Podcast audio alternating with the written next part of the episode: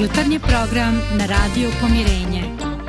Predstavit ćemo vam društvene zbivanja, aktuelnosti, životne mudrosti. Uključit ćemo i goste koji će govoriti o različitim aspektima života.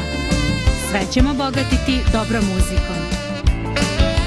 Sve to samo za vas. Jutarnji program.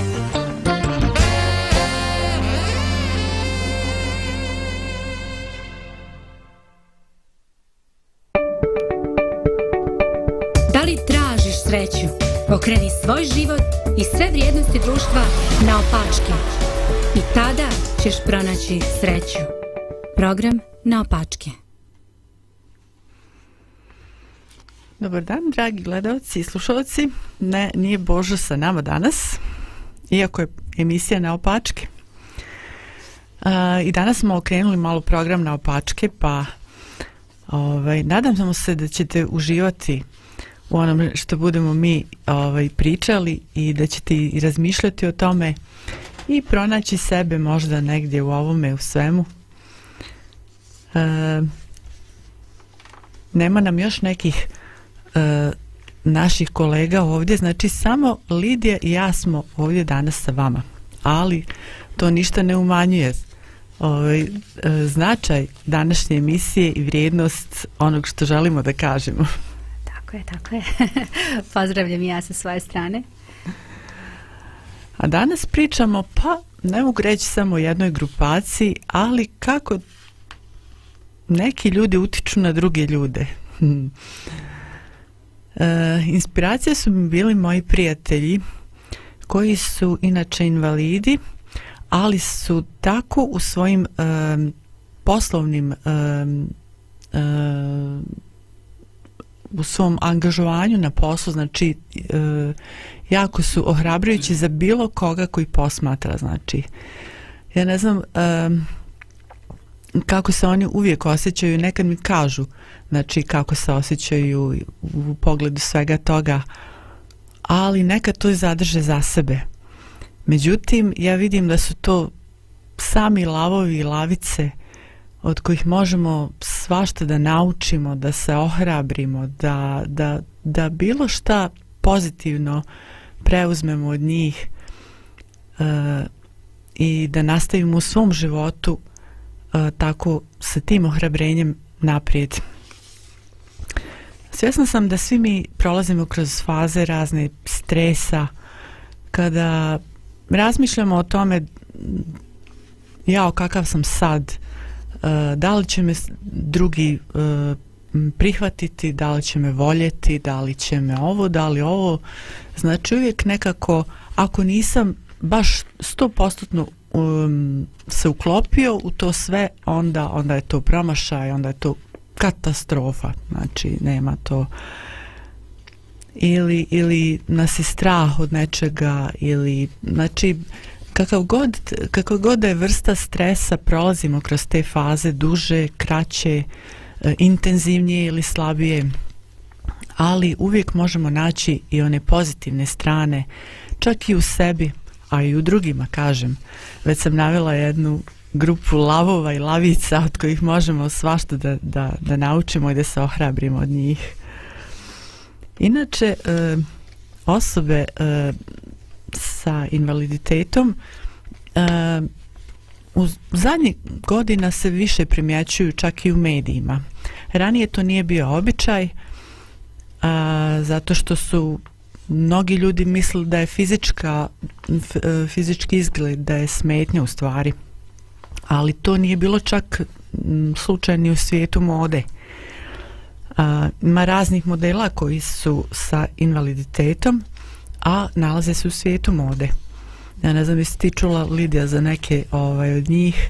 Mogu ti... Da, iskreno nisam. Ba, baš me zanima, evo, baš osloškujem da vidim, da čujem. Ovaj, e, naime, radi se, ovaj, to je bio jedan članak prije par godina, i naveli su neke uh, manekene, znači uh, modele, znači sa invaliditetom. Jedna od njih je recimo Elisha Turner. Mm. Njene kosti su uh, bile takve da su uh, uh, od, u svojoj 20. godini ona je imala rak noge, znači u kosti noge i mislili su da li će uopšte preživjeti a, šta da se desi sa njenom nogom, da li se treba amputirati. Međutim, doktori su uspjeli da zamijene gotovo sve kosti u toj njenoj nozi titanijom. Iako ima velike i ožiljke i trebalo je pomoći štake, ona je odlučila da slijedi taj svoj san a, da postane model. I uspjela u tome i kaže da a, manekenstvo može ponekad biti teško, recimo kad se mora dugo stajati, naravno, to je svakome teško, mm. ili kad postoje određene poze koje može, koje treba da uradi, ali svejedno ona i dalje slijedi tu svoju strast. Ili um, Shaholi Ayers, koja je rođena bez ruke, ona je rođena bez desne ruke ispod lakta, ali je uvijek sanjala da bude model i svi su je naravno u tome obeshrabrivali. Uh, kaže, bila sam maltretirana sve vrijeme mog djetinstva. Ljudi bi mi govorili, o, bila bi tako lijepa da imaš dvije ruke. I uvijek su, Kako kaže, bili... Kako to strašno, izvini, ali baš, da. baš strašno. Hm. Kaže, uvijek su mi, uvijek su bili fokusirani na činjenicu da mi nedostaje ruka. Znači, ima čitavo tijelo pred njima, ali mm. oni vide baš to što nedostaje. I ona se probila u tom svijetu manekenstva. E, neću vam sve navoditi koje, za koje firme radila, ali jako su poznate firme. E, recimo sljedeća osoba je Madeline Stewart. Ona je manekenka sa Down sindromom. Mm. Hmm. Ona je e, 20-godišnja manekenka, znači iz Australije. Prvo je trebala da smrša, pošto obično te osobe su ovako malo punije, a onda zatim e, malo pomalo ona je postajala sve poznatija na internetu internetu i onda je krenula i njena karijera modela i tako je ušla kaže u historiju na sedmici mode u Njujorku 2015. godine na revi Hendrika Vermeluena kao jedna od prvih manekenki s Down sindromom koja je prošetala pistom. Wow. Baš fascinantno, stvarno. Da. Ili recimo model sa autizmom. Uh, obično su te osobe, znači e, u pitanju je njihova, e, njihov temperament, njihovo ponašanje. Ali e, bez obzira na to, e, ona se uspjela e, osoba koja se zove Melissa Cool, um, e, ona se uspjela uh, um, ubaciti u te, da kažem, vode uh, gdje su modeli i uspjela je u njima. I recimo, osoba koja ima e, rijedak slučaj depigmentacije kože, e, iako to ne izgleda baš onako kako mi smo navikli da izgleda, e, i ona je postala također model u tom e, svijetu visoke mode. Ovo je samo jedan uvod u jednu našu priču koju ćemo mi možda, nadam se, razviti, iako nas je ovako malo. Svakako, Ali da. žene su tu pitanje. Yes. Imaće o čemu da se priča. Da. Ja.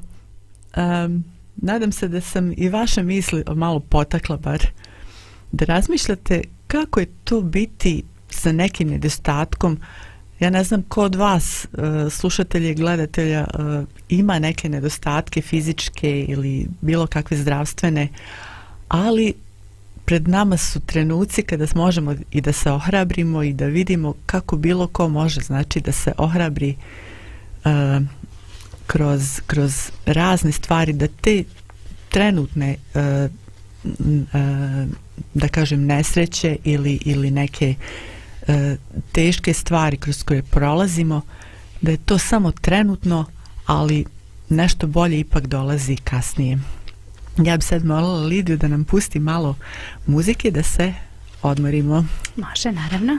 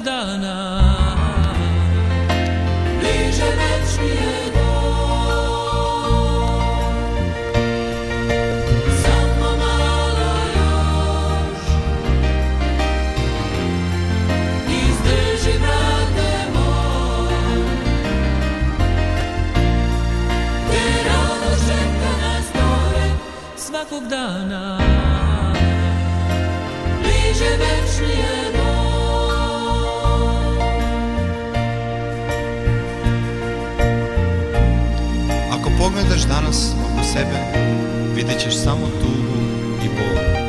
Ali Bog kaže, pozvao sam te po imenu Moj si.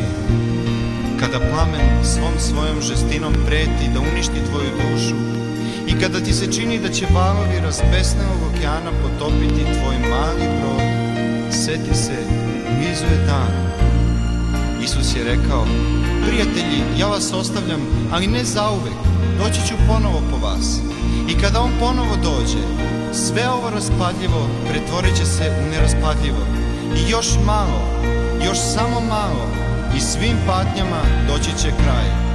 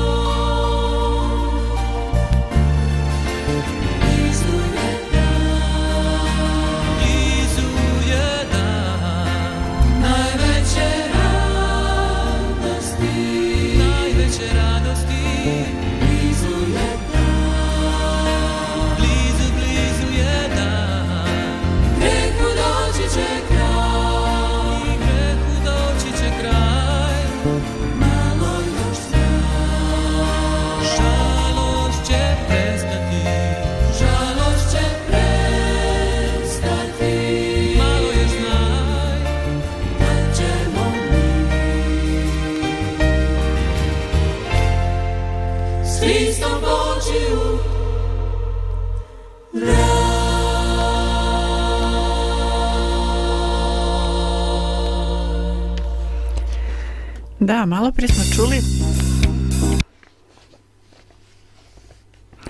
malo prije smo čuli uh, nešto što se desilo osobama koje su naravno imale invaliditet, ali su uspjele uh, u svijetu mode. Neki mogu reći, pa dobro, ja nisam, ja ne živim u takvoj zemlji, ja nisam tako mlada kao one, ja nemam takvu pomoć kao, kao one.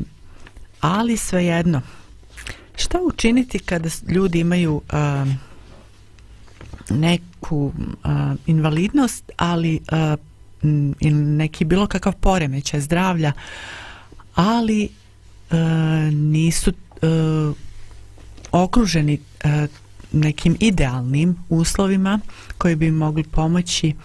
Šta učiniti praktično, kako se pokazati, kako se um, um, ostvariti kao osoba bez obzira da li, da li smo zdravi ili nismo zdravi znači to je pitanje. Da, jer da, da, da. i mnoge zdrave osobe se isto to pitaju kako da ja se ostvarim? Pa jeste da. Ja bih prvo rekla kada su pitanju osobe sa invaliditetom da su to po meni nekako mm, mi obično smatramo da su heroji oni koji urade nešto stvarno posebno i drugačije i to jeste tako, ali meni su osobe sa invaliditetom posebni heroji. Oni su, čini mi se, heroji nad herojima. Zašto?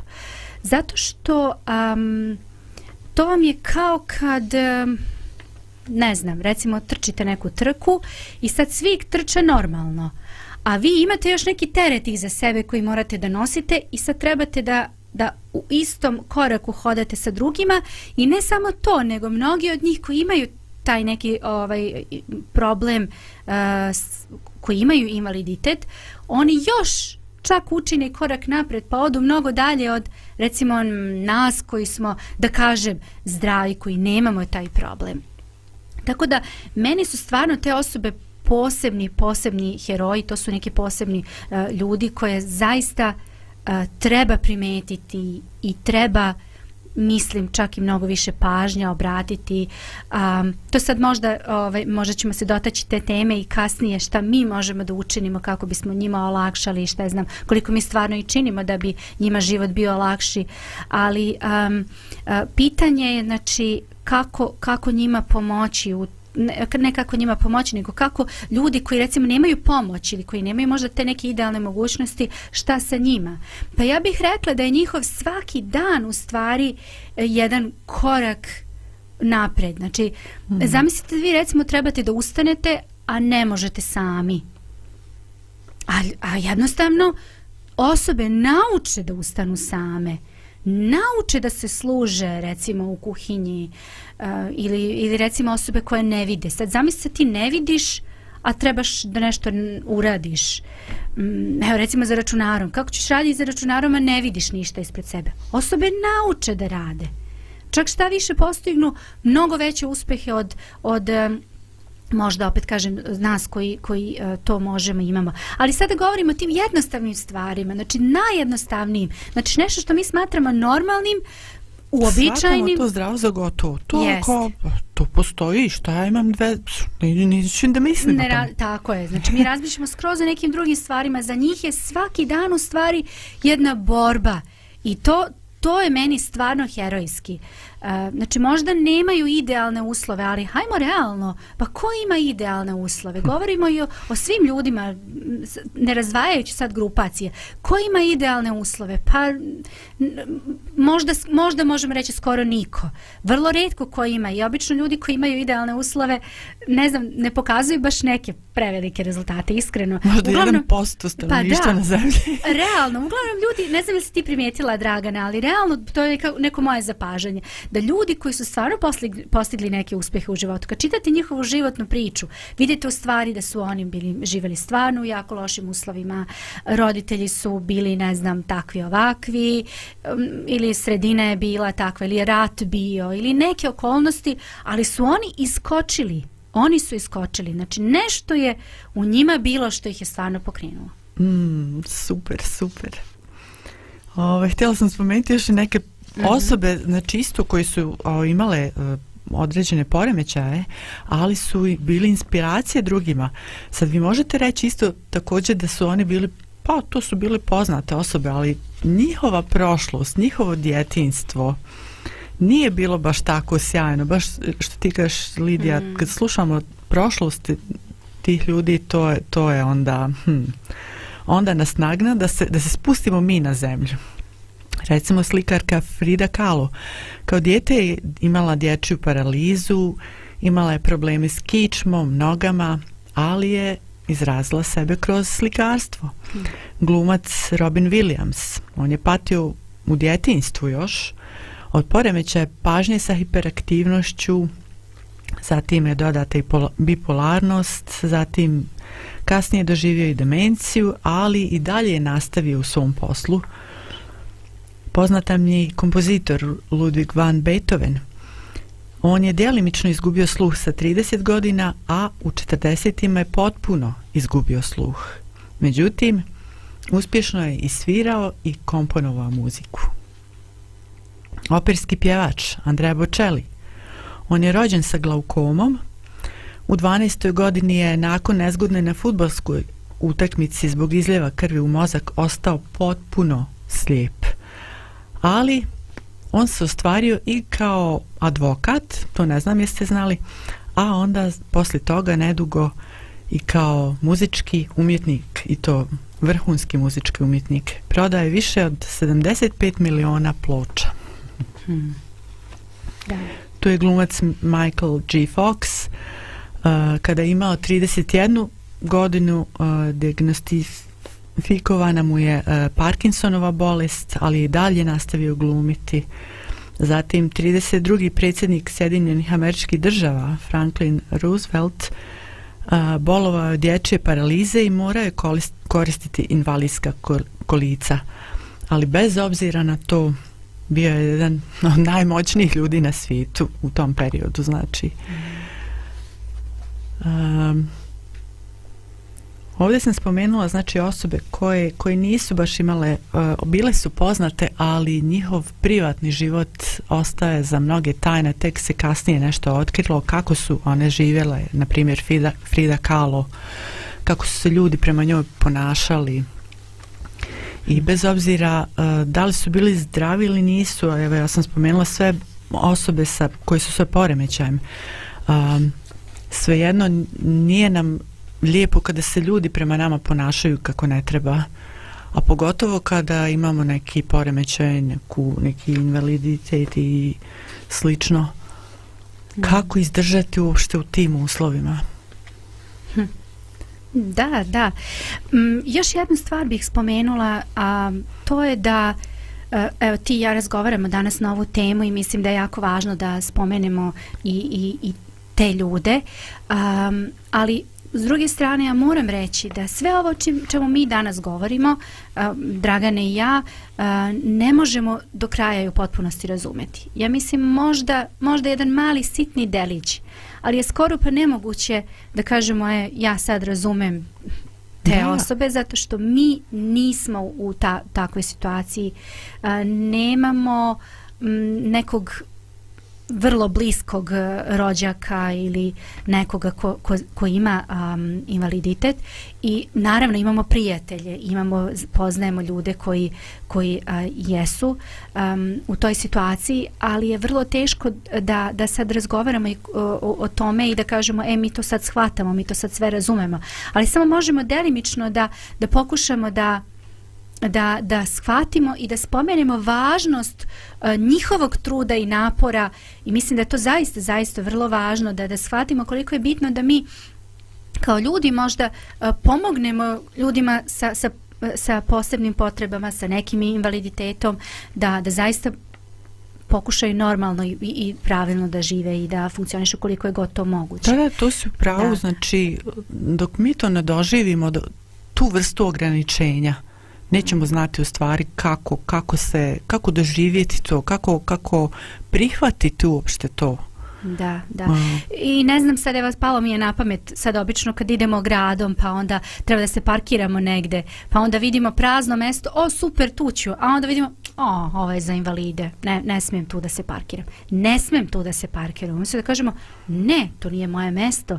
Pa ostavimo mesta tim ljudima gdje je najbliže da mogu da uđu, da obave to, jer njima je dovoljno teško, bar iz naše perspektive, da to sve pohvataju. Njima je dosta teško da dođu do te prodavnice, a kamoli da sad još se moraju gurati kroz gužu. Pa daj da nešto uradimo za njih. Pa nemoj, ako je to mesto za invalide, pa nemoj za zauzeti to mesto. Ako tamo piše, ne znam, na nekom obaveštenju da te te osobe imaju a, mogućnost da, da preko reda uđu, pa nemojmo mi sad nešto tu se buniti ili bilo šta. Hoću da kažem, razmišljam, šta, razmišljam sad šta bismo mi mogli još ovaj, ovako kao građani obični, sad država i ljudi možda koji su na vlasti, šta bi oni mogli, to je možda neka druga priča, pretpostavljam da, da mi da, ne da. možemo ni ulaziti u to, ali šta mi konkretno možemo da uradimo kako bismo njima pomogli i olakšali? Da, da, da.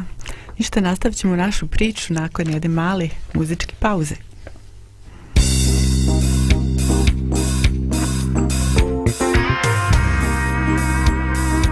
Radio Pomirenje.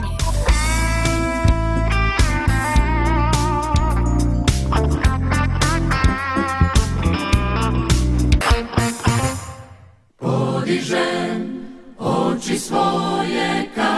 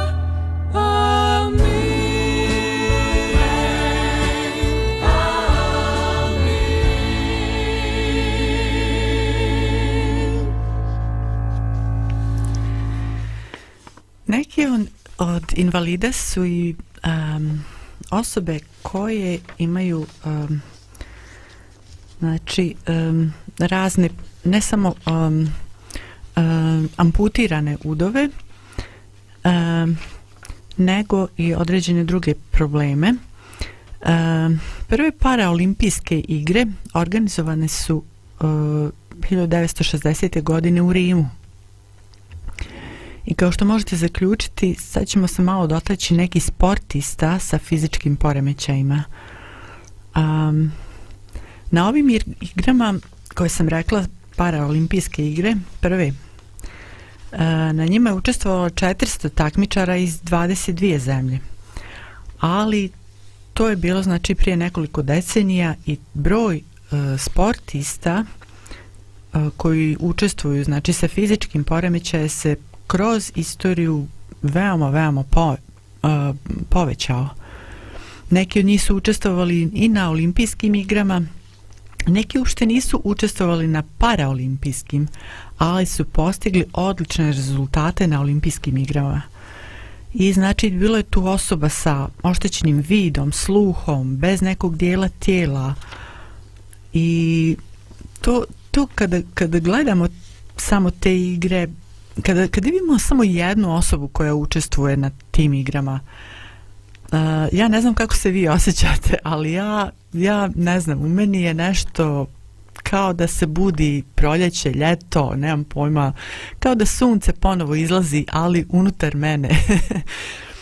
e, dobijem takvu neku snagu i onda se pitam e, šta ja radim sa svojim životom, zašto sam ja Eh, eh, neke stvari jednostavno tako ispustila iz svojih ruku eto ja to ne mogu ja to ne, ne mogu, neću ili šta znam zbog nečeg nađem neki uh, razlog da ja to ne učinim. I onda se divim tim ljudima i onda, onda ja pokušavam nešto da učinim od svog života. A što je najzanimljivije, sad prekidam te, ali baš sam ovaj, inspirisana onim što si rekla. Neverovatno koliko ti ljudi nas inspirišu. Mi nekako uvek imamo potrebu da i njima pomognemo, da njih nekako inspirišemo, da njima damo snagu. A znači oni ne da inspirišu, nego te dižu u nebo. Znači ti u društvu takvih ljudi uglavnom doživiš ne, nešto neverovatno. Znači ti ljudi su stvarno baš posebni. Zato ja kažem, zato su oni heroji. A, spomenula bih sad, samo ako mi dopustiš, i roditelje, recimo, koji znaju da njihovo dete ima, ima neki fizički nedostatak e, i odluče da ostanu da žive sa tim detetom, znači da dete ostane sa njima u porodici, da bude sa njima i da živi. To su isto za mene heroji. A, obično ljudi, koji, roditelji koji imaju takvu, takvu e, situaciju u svojoj porodici, oni kažu, pa ne vidim ja ništa sad herojsku u tome, mi smo jednostavno to prihvatili tako i u suštini tebe niko ne pita, pitate, ali s druge strane nađeš se u toj situaciji i nekako doneseš odluku i kažeš to je to. Za mene su stvarno i ti roditelji opet posebna vrsta heroja, jer ti čitav život posvetiš takom jednom detetu. Ti imaš i drugu decu možda koje nemaju invaliditet, ali ovaj, oni su svi svesni toga da ipak tom detetu treba dodatna pažnja, dodatna pomoć. To je za mene stvarno, za mene to herojski. Da, da, i to je ne samo u mlađim godinama, nego i kasnije, znači Tako kada je. odraste ta osoba, opet joj treba pomoć, pomoć, Da. znači uvijek biti uz nju. Da, pa ne znam, eto, možda nećemo mi nešto puno uraditi sa emisijom kada je u pitanju, ne znam, naša država, naši državni organi, na nivou grada ili šta god, ali ipak ja moram i to reći, znači čini mi se da možda u inostranstvu malo više ljudi obraćaju pažnju uh, generalno, znači um, vezano za pomoć sa, sa, sa strane, znači od strane države takvim ljudima, ne samo finansijska, naravno i finansijska pomoć je bitna, ali pomoć u nekim drugim, uh, u, u nekom drugom pravcu, u drugom smislu, recimo zaposlenje neko, pomoć za Da. školovanje, uh, pomoć Uh, recimo u kući rekli spomenuli smo recimo neko ko, ko ne može ustati zato što nema nema svoje noge ili recimo nema ruke ili neki drugi druga vrsta nije sad bitno što god daje on ne može obavljati normalne poslove mislim da bi trebalo možda eto da apelujemo da se možda još više država uključi u pomoć Da, da, da. U Banja Luci već postoji taj centar za zaposlenje tih osoba, je ali to se treba još više i proširiti.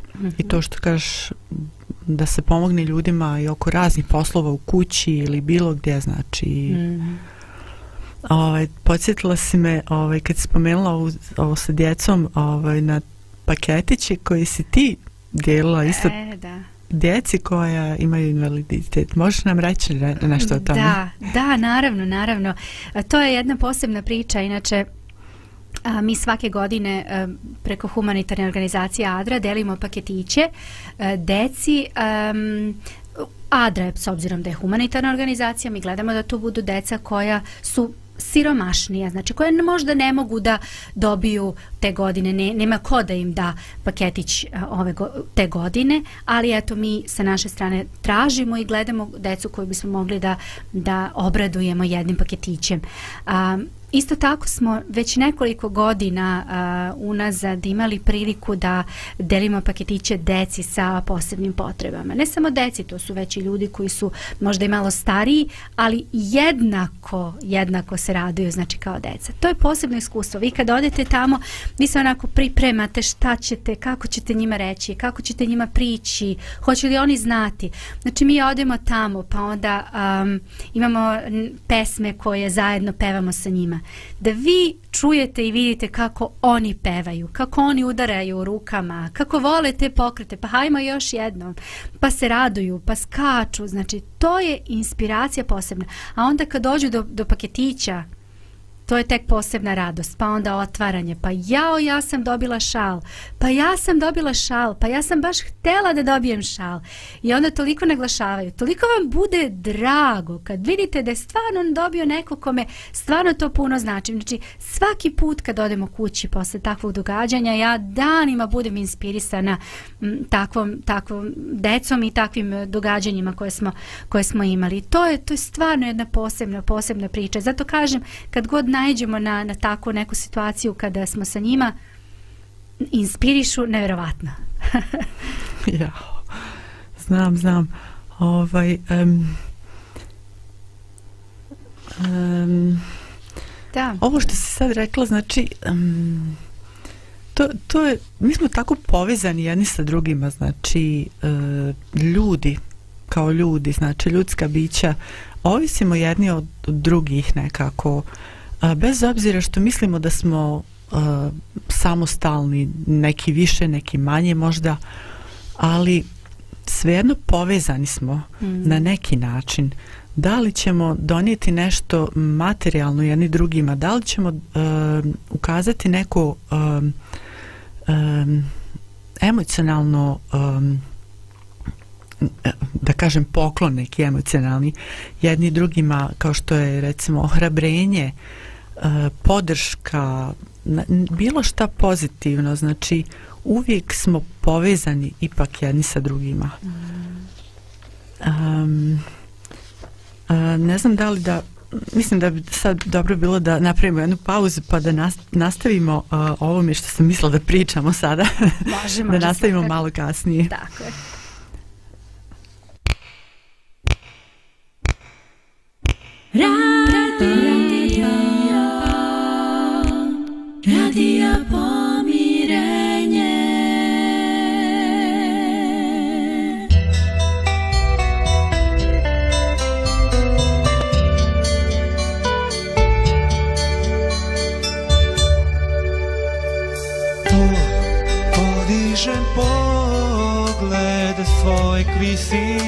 nama. Ali tko će meni pomoći? Spas i pomoć je meni.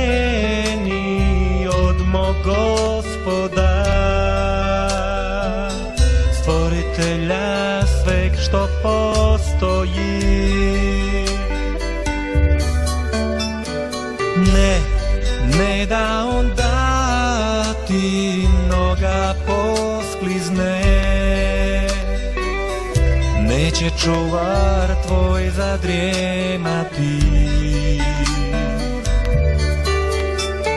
Ne, ne drijema čuvar tvoj o Izraele. Niti će on ikad zaspati.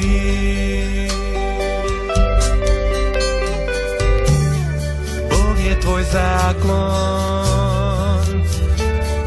tvoj sjen uvijek je desna čuvar tvoj. Danju te neće mučiti sunce. Noć studena. Bog nek te čuva.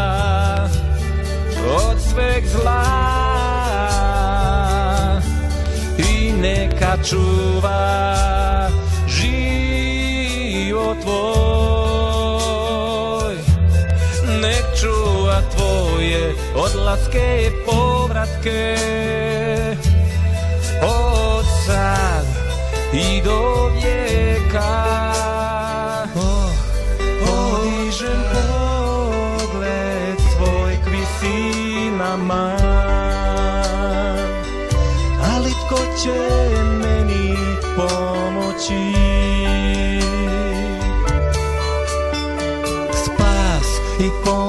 će meni od mog gospoda. Stvoritelja sveg što postoji.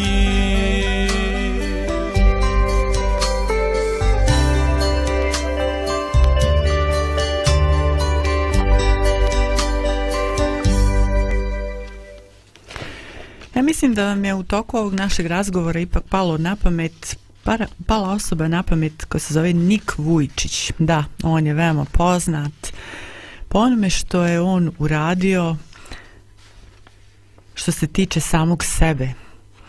Izašao je iz te svoje kutije.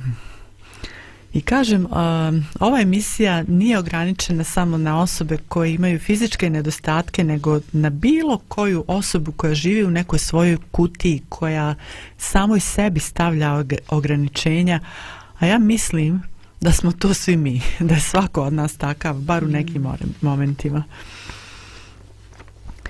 Sad šta je uh, Nik Vujčić govorio? Govorio je razne mudre stvari koje je zaključio u toku te svoje borbe sa samim sobom. I kaže on jednom, kaže šta vi mislite da treba da izaberem? Da budem ljut na Boga zbog onog što nemam ili da mu budem zahvalan za ono što imam? Na mojim seminarima ljudi mi govore kako baš oni ne mogu. Kako su prestari, premladi, predebeli, premršavi, kako imaju previše diploma, nedovoljno diploma, kako nemaju novaca, kako nemaju vremena. Uglavnom, uvijek imaju izgovor zašto ne mogu. Da se razumijemo, i ja sam bio takav. Stvari su se promijenile od onog momenta kada sam počeo tražiti način kako bih mogao umjesto traženja izgovora zašto ne mogu. Fantastično, čovječ. Ja, ne znam za vas, ali ja se pronalazim u ovim njegovim riječima. ja definitivno, ja definitivno. Kaže on još, kaže, u čemu je pojenta biti potpun s polja, a prazan iznutra? Zapamtite, akcija izaziva reakciju. Kada ste u iskušenju da napustite svoje snove, natjerajte sebe da pokušate još samo jedan dan, jednu nedelju, još jedan mjesec, jednu godinu, bit ćete iznenađeni onim što se dešava kada konstantno odbijate da odustanete. Mogu vam i zapisati ove pa, pa ko želi može, možda i da dobije ove citate. Da. To ne bi bilo loše pa da onda čitamo sami sebi u toku dana te neke izjave kada o, se da. nađemo u situaciji. Da, da. Ili, kaže on još jednom, kaže, ako se stalno prisjećate starih rana, hm, u, sad otičem jednu nezgodnu temu, ako se stalno prisjećate starih rana, time dajete moć i kontrolu onome ko vas je povrijedio. Ali ako mu oprostite, time presjecate svaku vezu s njim. Tada on više ne može imati nikakve veze sa vama. Nemojte misliti da je praštanje neka usluga ljudima kojima ste oprostili, već tu učinite zbog sebe. Hm. Ja bih dodala da mi opraštamo ljudima i to je nešto veliko prema njima, ali veliko je i za nas same koji opraštamo. Mm. Da, da, da, da. Pa, pogotovo da baš ova posljednja izjava me je onako baš um, upravo to, znači ti kad ne, kad ne oprostiš, kad ostane to u tebi, ti truješ sam sebe. Znači ja dok to nisam onako u svoje glavi posložila mm, mm. uvek te to jede i uvek i stalno i uvek se vraćaš i ti ovaj, nisi, nisi ni svesna koliko to u stvari ti predstavlja problem da, da, da Mm, kad se rešiš toga... Ko neki magnet, sam sebi postaviš magnet i to te onda vraća. A, ti, vraća a ti misliš da je u stvari usmereno to kad toj osobi na koju ti imaš nešto ili nešto se dogodilo ili ta osoba tebi nešto pa neko je drugi uradila. kriv? Je, a ona možda i jeste kriva ali ti truješ sebe stalnim tim razmišljanjem kako je to moglo, pa zašto je ta osoba tako, pa ako, ako, ako se to već rešilo ili možda nije se rešilo i ne može da se reši sad u ovom trenutku, možda će kasnije, ostavi. Mislim, ja to sad govorim ovako ko da ja sad sve to rešavam, ali eto, možda možemo razmišljati svi o tome. Znači, ostavi, pusti, idemo, idemo dalje. Da. Ovo je u stvari dio te teme eh, osoba koje mm, ba svih nas zapravo, ne samo osoba sa invaliditetom, ali evo dotičemo se recimo Nika Vujičića, on je bio jako ogorčen što se on uopšte rodio bez ruku, bez nogu, zašto zašto ga majka jednostavno nije uh, riješila se da kažem čim, čim je vidjela kako će dijete biti samo da, da, da on više ne postoji. On je više puta pokušavao uh, samoubistvo i kad je bio u kadi i na druge načine, ali, ali kaže, nažalost uvijek su me uh, uh, spasili. I kaže, to sam govorio iz početka, ali sad, sad mi je drago mm. što sam živ.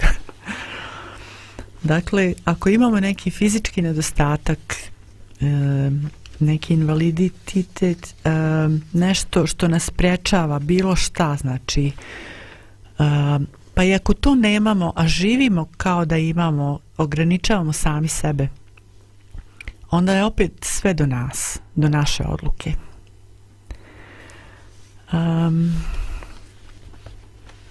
možemo mi, e, Lidija je već navela e, razne e, vrste pomoći kako, kako m, pomoći ljudima koji, koji ne mogu sami da urade razne stvari.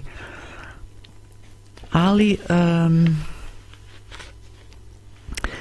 najviše u stvari zavisi od nas, onoga što, od onoga što se zbiva u našem umu i kako mi donosimo odluke o svom životu.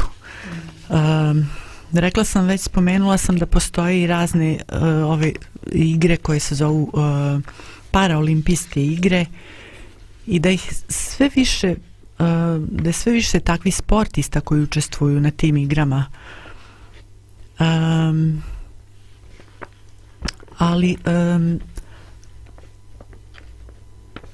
ono što bi što bi moglo da da znači ljudima koji slušaju sada ovu emisiju bez obzira da li žive na selu, u gradu, bilo gdje znači u ovom gradu, u nekom drugom bilo kojem uh, jeste ono što ono što se dešava u vašoj glavi to je bitno mm. kako ćete vi odlučiti da pomognete sami sebi možda imate neki uh, neku, neku prepreku u životu ali zavisi znači kako pomažete i sami sebi? Ne morate učestvovati na nekim uh, olimpijskim igrama ali biti manekeni. Biti da ne morate ni to. ali možete nešto spisatelji da ali se možete baviti tim hobijima. Mm. i vidite dokle ćete stići sa tim svojim hobijima. Da. recimo možete i vi recimo kao uh, ova jedna sportistkinja koja je rođena bez ruke ispod lakta ali igra uh, stoni tenis i osvajala je zlatne medalje na raznim svjetskim takmičenjima mm. ili, ili drugi uh, sportisti recimo plivači koji nemaju jednu nogu a svejedno jedno su od najbržih plivača na svijetu. Da. Zamislite. Ja ću se samo malo još osvrnuti na naslov koji si dala ovoj temi, a to je jači nego što mislimo.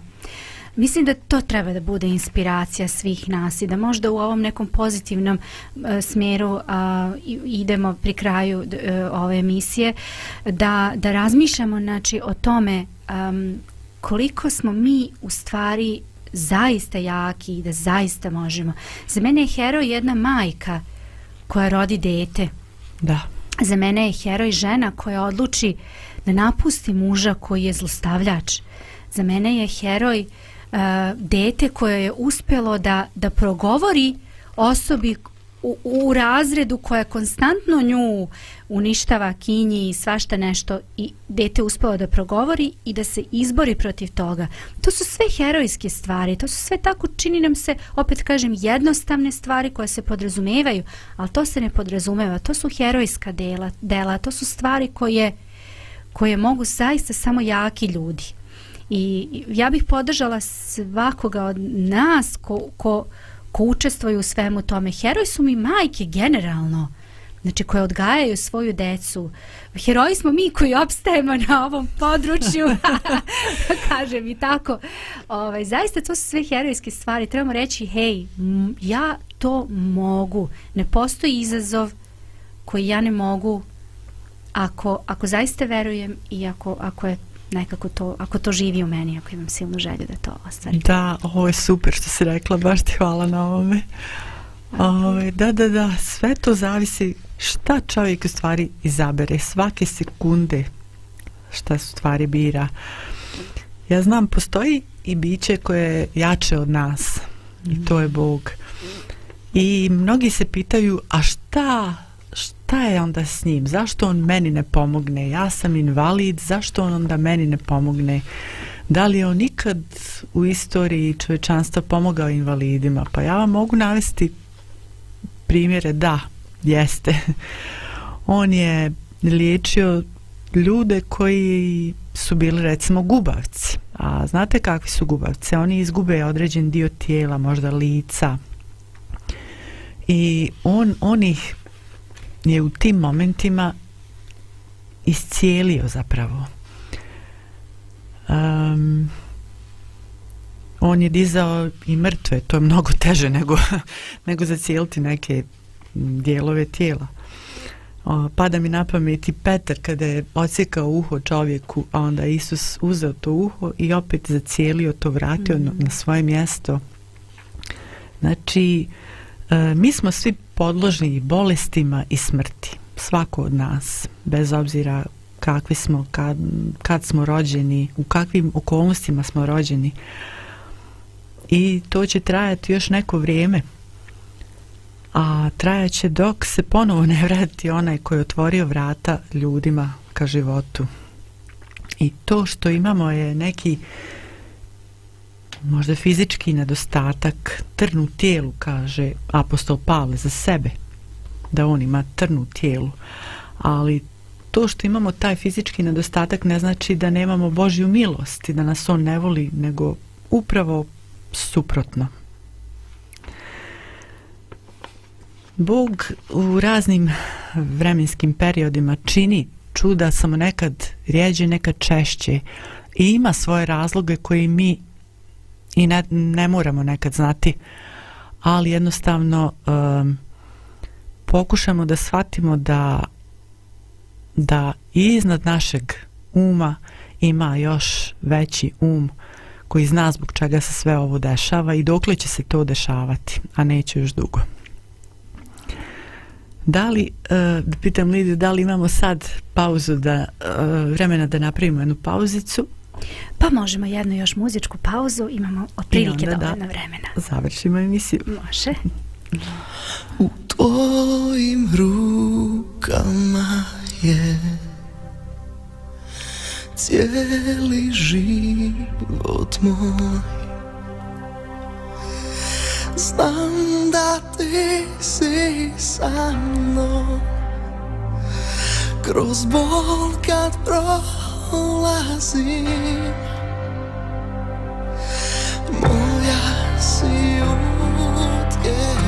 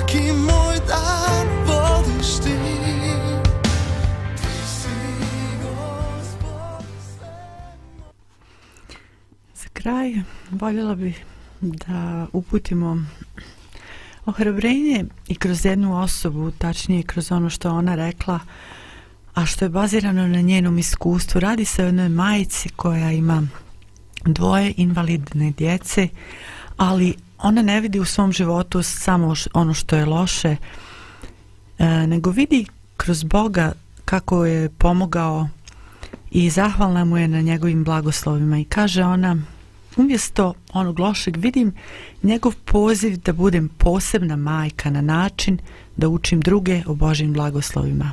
Također me poziva da toj djeci dam priliku da postanu dio hrišćanske obitelji koje će ih naučiti da ljube gospoda na poseban način i razumiju da sve možemo prevladati kroz njega. Neki će možda reći da nam je to kamen spoticanja. Mi znamo da je to iskustvo učenja i izazova. Također smo mu zahvalni što nekima daje znanje kako bi izveli posebne operacije i načinili posebne a, proteze koje omogućuju mom sinu i nadamo se našem budućem sinu da može hodati, trčati, skakati i živjeti na način da u svemu proslavlja Boga. Bog jeste naš stvoritelj, ali On je naš održitelj, On je naš spasitelj, On je naš iscijeljitelj, On je naš otac ako mi to želimo. I navela bi nešto iz svete riječi koje je apostol Pavle napisao, jer mislim da stradanja sadašnjeg vremena nisu ništa prema slavi koja će nam se javiti. Želim sa ovim riječima da se oprostimo danas od vas i da vam kažemo da ćemo se uskoro slušati opet, a vi ostanite da razmišljate o ovim današnjim riječima i sa ovom današnjom, sa današnjim ohrabrenjem. Slušamo se uskoro.